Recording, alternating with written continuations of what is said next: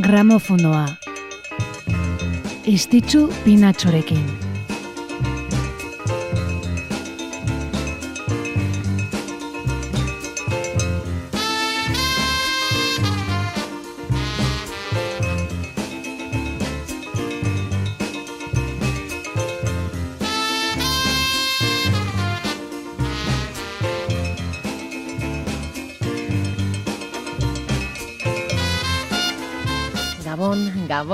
Mundu guziari hemen gara asteazkenarekin batera guere naiz irratian gramofonoan musikazaleon tartean. Gaur otxailak hogeita bi eta hemen gaude zuekin momentu atsegin bat pasatzeko asmoz. Akaso zuetako batzuk inauteridako ajearekin egonen zarete oraindik, bueno, ba, ja, lortzen dugun pixko bat goxatzen musika aditu eta musikakin disfrutatuz. Efemeriden zerrenda prez dugu eta hainbat kantu aukeratuak ere bai. Oietxek izanen dire, hemen txek gramofonoan aireratuko ditugunak. Gu prez gaude eta beraz zuek ere aldabazaudete, hasiko gara.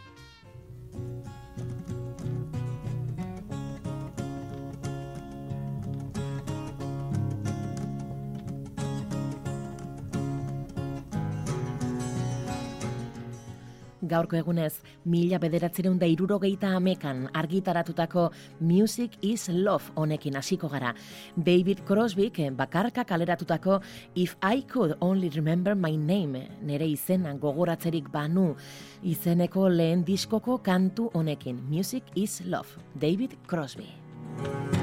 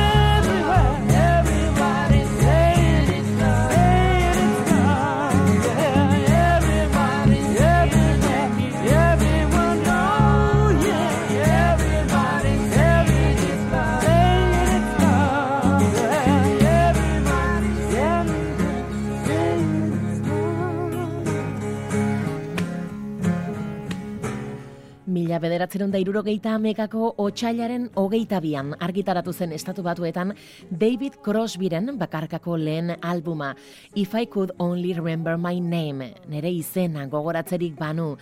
Musikari handien laguntzakin Neil Young haien artean. Eta bitxia bada ere, 2008an, l'Observatore Romanok, hau, Vatikanoko egunkari ofiziala da, ba, eurek argitaratutako poparen historiako album honenen zerrendan, bigarren postuan agertu zen, Fleetwood Mac taldearen Rumors diskoaren eta Michael Jacksonen thrillerren atzetik. Bitxia gero, kontu hau. Bino egia da, beren eskalaguna hil ondotik, David Crosbyk, Neil Young edo eta Graham Nash bezalako lagunak bildu zitula, bere azken komposizioetan eta albumerako ideietan laguntzeko.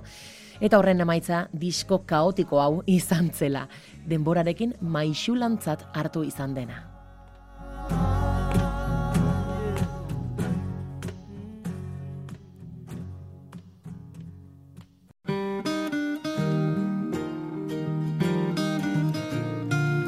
Eta guazen bertze doinu eta izen sonatu batekin, James Blunt, hau da, You're Beautiful.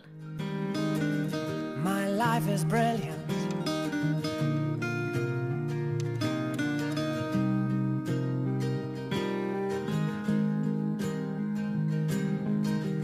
My life is brilliant. My love is pure. I saw an angel. Of that I'm sure. Smiled at me on the subway.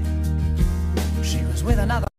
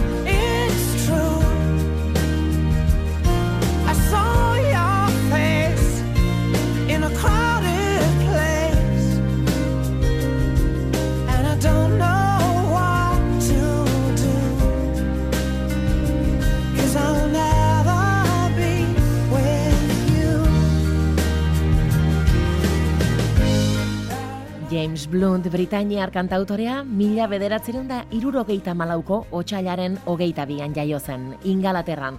Eta 2000 lauan Back to Bedlam albuma argitaratu zenean egintzen eh, ospetsu. You're Beautiful hau aurkeztu zuenean. Albumeko bigarren singela izan zen eta honek James Blunt ospearen gailurrera eramantzun, zerrendetako lehen postuetara. Amaika milioi kopia bino gehiago saldu baitzitun mundu osoan. Eta kuriosidade bezala, album honen zati txiki bat James Bluntek Carrie Fisher aktoreari zorro omen dio. Star Warseko Leia printzesaren papera egintzun aktore ezagunari. Los Angelesen diskoa grabatzen ari zela, Carrie Fisher izautzeko aukera izan zuelako, eta honek izugarri lagundu omentzion albumaren sormen eta grabazio prozesuan. Olako kontuak ordun, James Bluntek. Eta guazen bertzen musikari bat zoriontzera, gaur berrogeita lau urte beteko ditulako Billy Mollerrek. So lately, been wondering who will be there to take my place when I'm gone. You'll need love to light the shadows on your face. If a great wave shall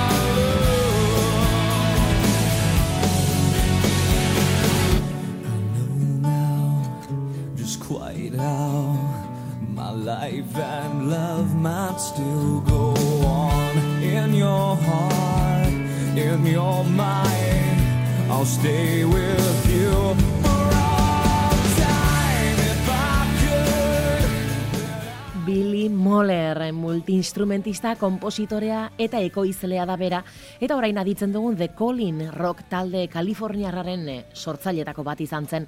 Eta mila bederatzen da laro gehiamaseitik, 2000 eta bigarren urtera bitarte taldeko basu jolea. Dekolinekoek eh, egiarran erantzun agitzona izan zuten publikoaren aldetik, 2000 eta batean estreinatutako lehen eh, albumarekin, bos milioi kopia saldu zituztelako. Bino, Billy Mollerrek 2002an talde utzizun, eta gaur egun Jimmy Chamberlain Complex, jazz, rock fusio taldeko kide da. Eta bertan, gitarra, basua eta teklatuak jotzen ditu. Berrogeita lau urte gaur, Billy Mollerrek.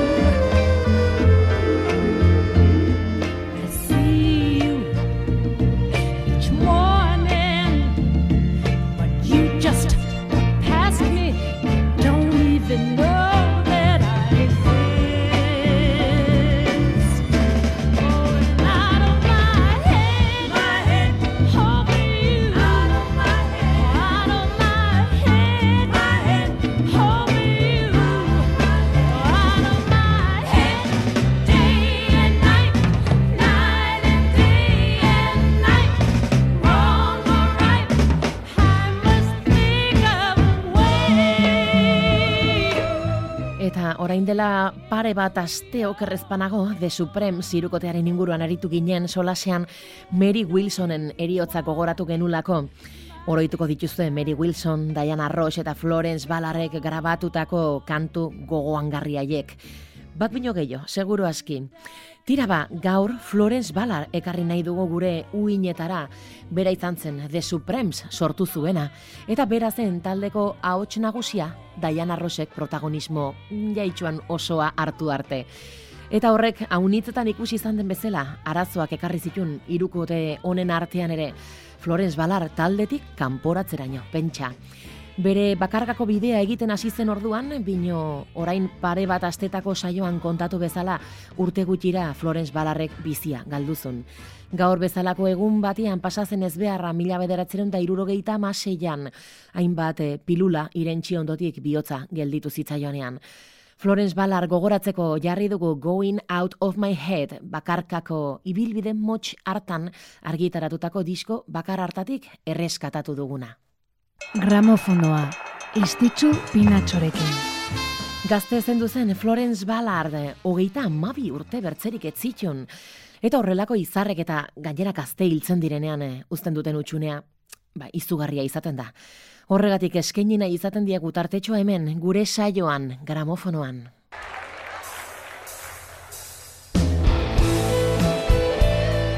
Eta jarraian adituko dugun hau, jo, urtea unitzetan bizi-bizi eta taule gainean ikusi nahi dugun etxeko musikari baten urtebetetzea ere badelako gaur.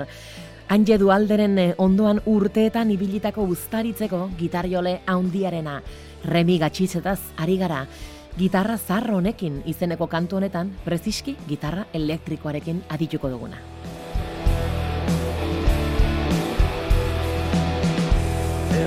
Amets egin ote Tutxen sokadun egur motorrontan Zenbat negar, zenbat oiu Izerdi urtu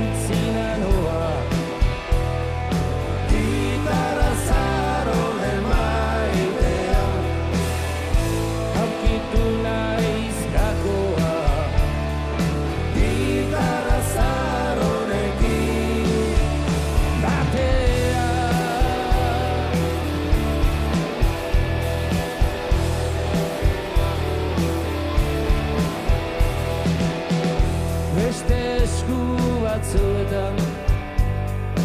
Osazin ezake segur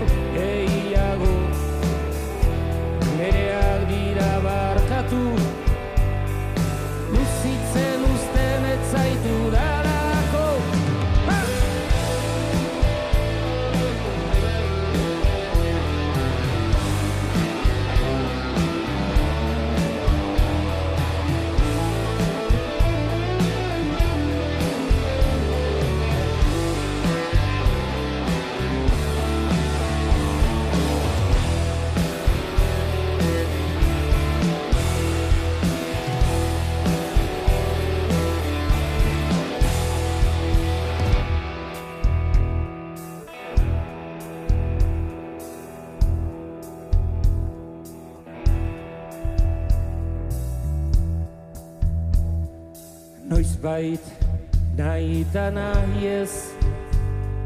Ez zaitut gehiago berekatuko. Beste baten besoetan Seguruen iduzu gozatuko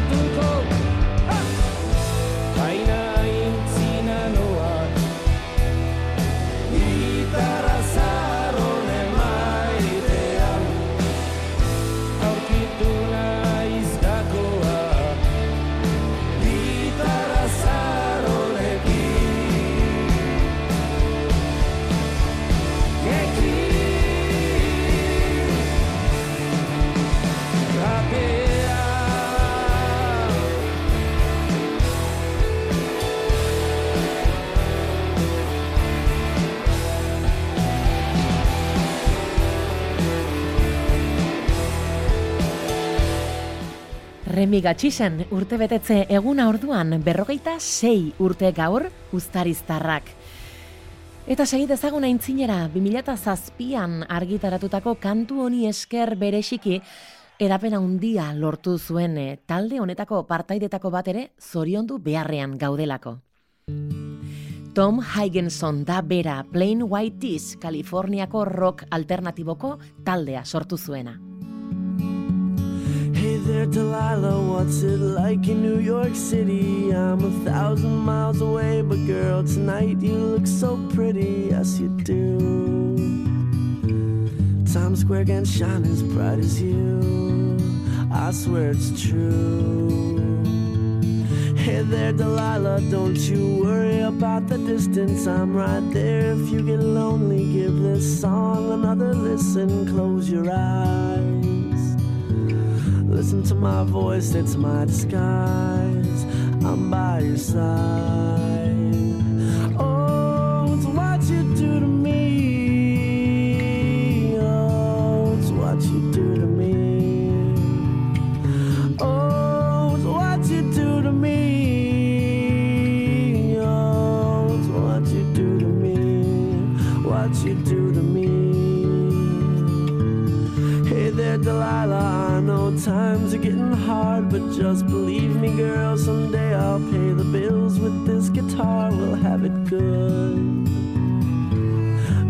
Have the life we knew we would. My word is good. Hey there, Delilah. I've got so much left to say. If every simple song I wrote to you would take your breath away, I'd write it all. Even more in love with me, you'd fall. We'd have it all.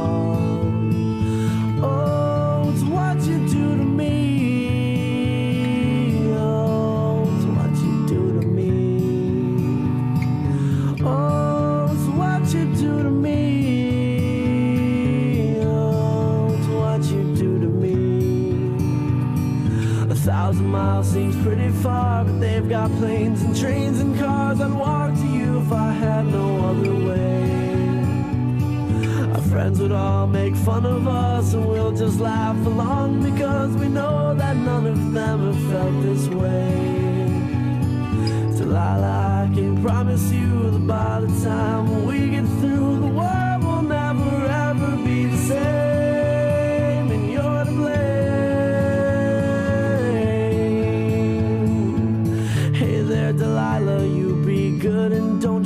you me. Two more years and you'll be done with school, and I'll be making history like I do. You'll know it's all because of you. We can do whatever we want to. Hey there, Delilah,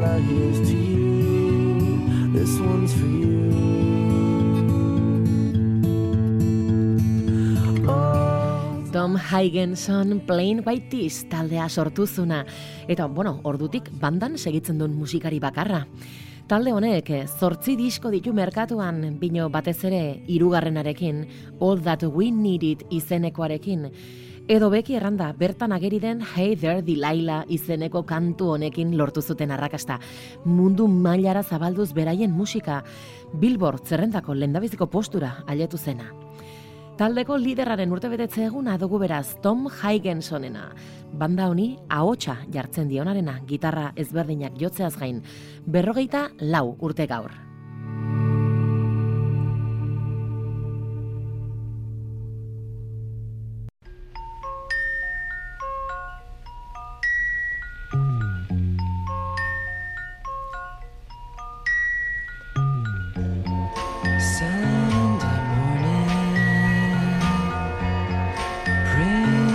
Dawn in.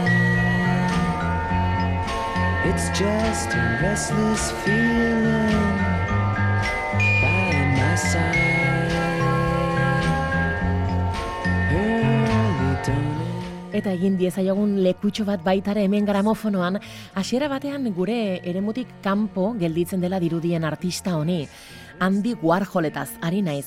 Bino uste bino harreman estuagoa izan zuen eh, musikarekin eh, pop artaren garapenean funtsesko izan zen artista erraldoi honek. behind you. There's always someone around you who will call. It's nothing at all.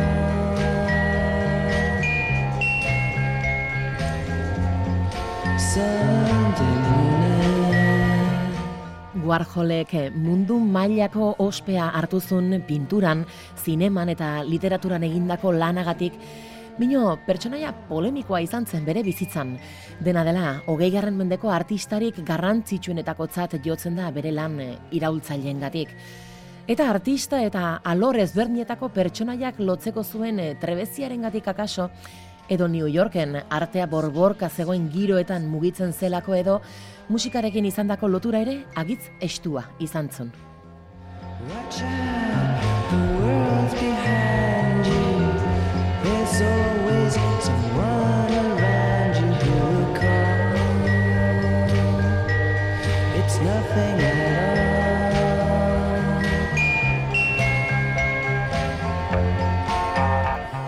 Warholek irurogei garren amarkadaren erdialdean The Velvet Underground izeneko taldea adoptatu zuen.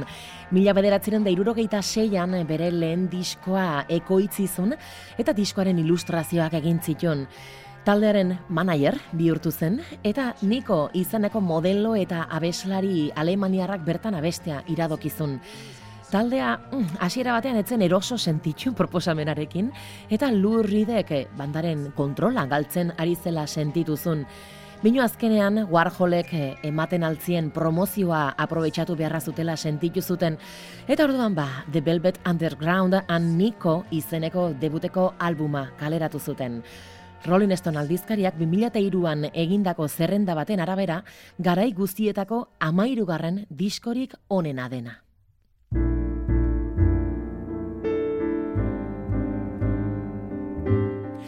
Andy Warhol artista emblematikoa zendu zela hogeita masei urte bete dire, mila bederatzerun da larogeita zazpiko otxailaren hogeita bian hiltzelako bihotzeko arazoen ondorioz berrogeita emezortzi urte zituen hau ere, nahiko gazte, eh? Eta gaurko saioa behar den bezala isteko hasi dugun bezala, goxo. Eta bat bino gehiago watzerako prestatzen ariko direla edo zaretela akaso jazz generora hurbilduko gara, bertze eriotza bat ekarriz gogora. Mike Melvoin dugu kantu honen atzean, 2008an zendutako jazz piano jole eta kompositorea. Bere banda propioak lideratzeaz gain, estudioko musikari bezala agitz txalotua izan zena. Eta horregatik, eh, izen handien ondoan egon izan zen beti Jackson 5, John Lennon, Peggy Lee, Tony Bennett, Barbara Streisand edota Tom Waitsekin kolaborazioak eginaz. Ba, nik ere, berarekin utziko zaituztet Mike Melvoinekin eh, gozatu. Eta hurrengo astean ere, hementxe, eh, gramofonoan, amets goxoak izan ditzazuela, gabon.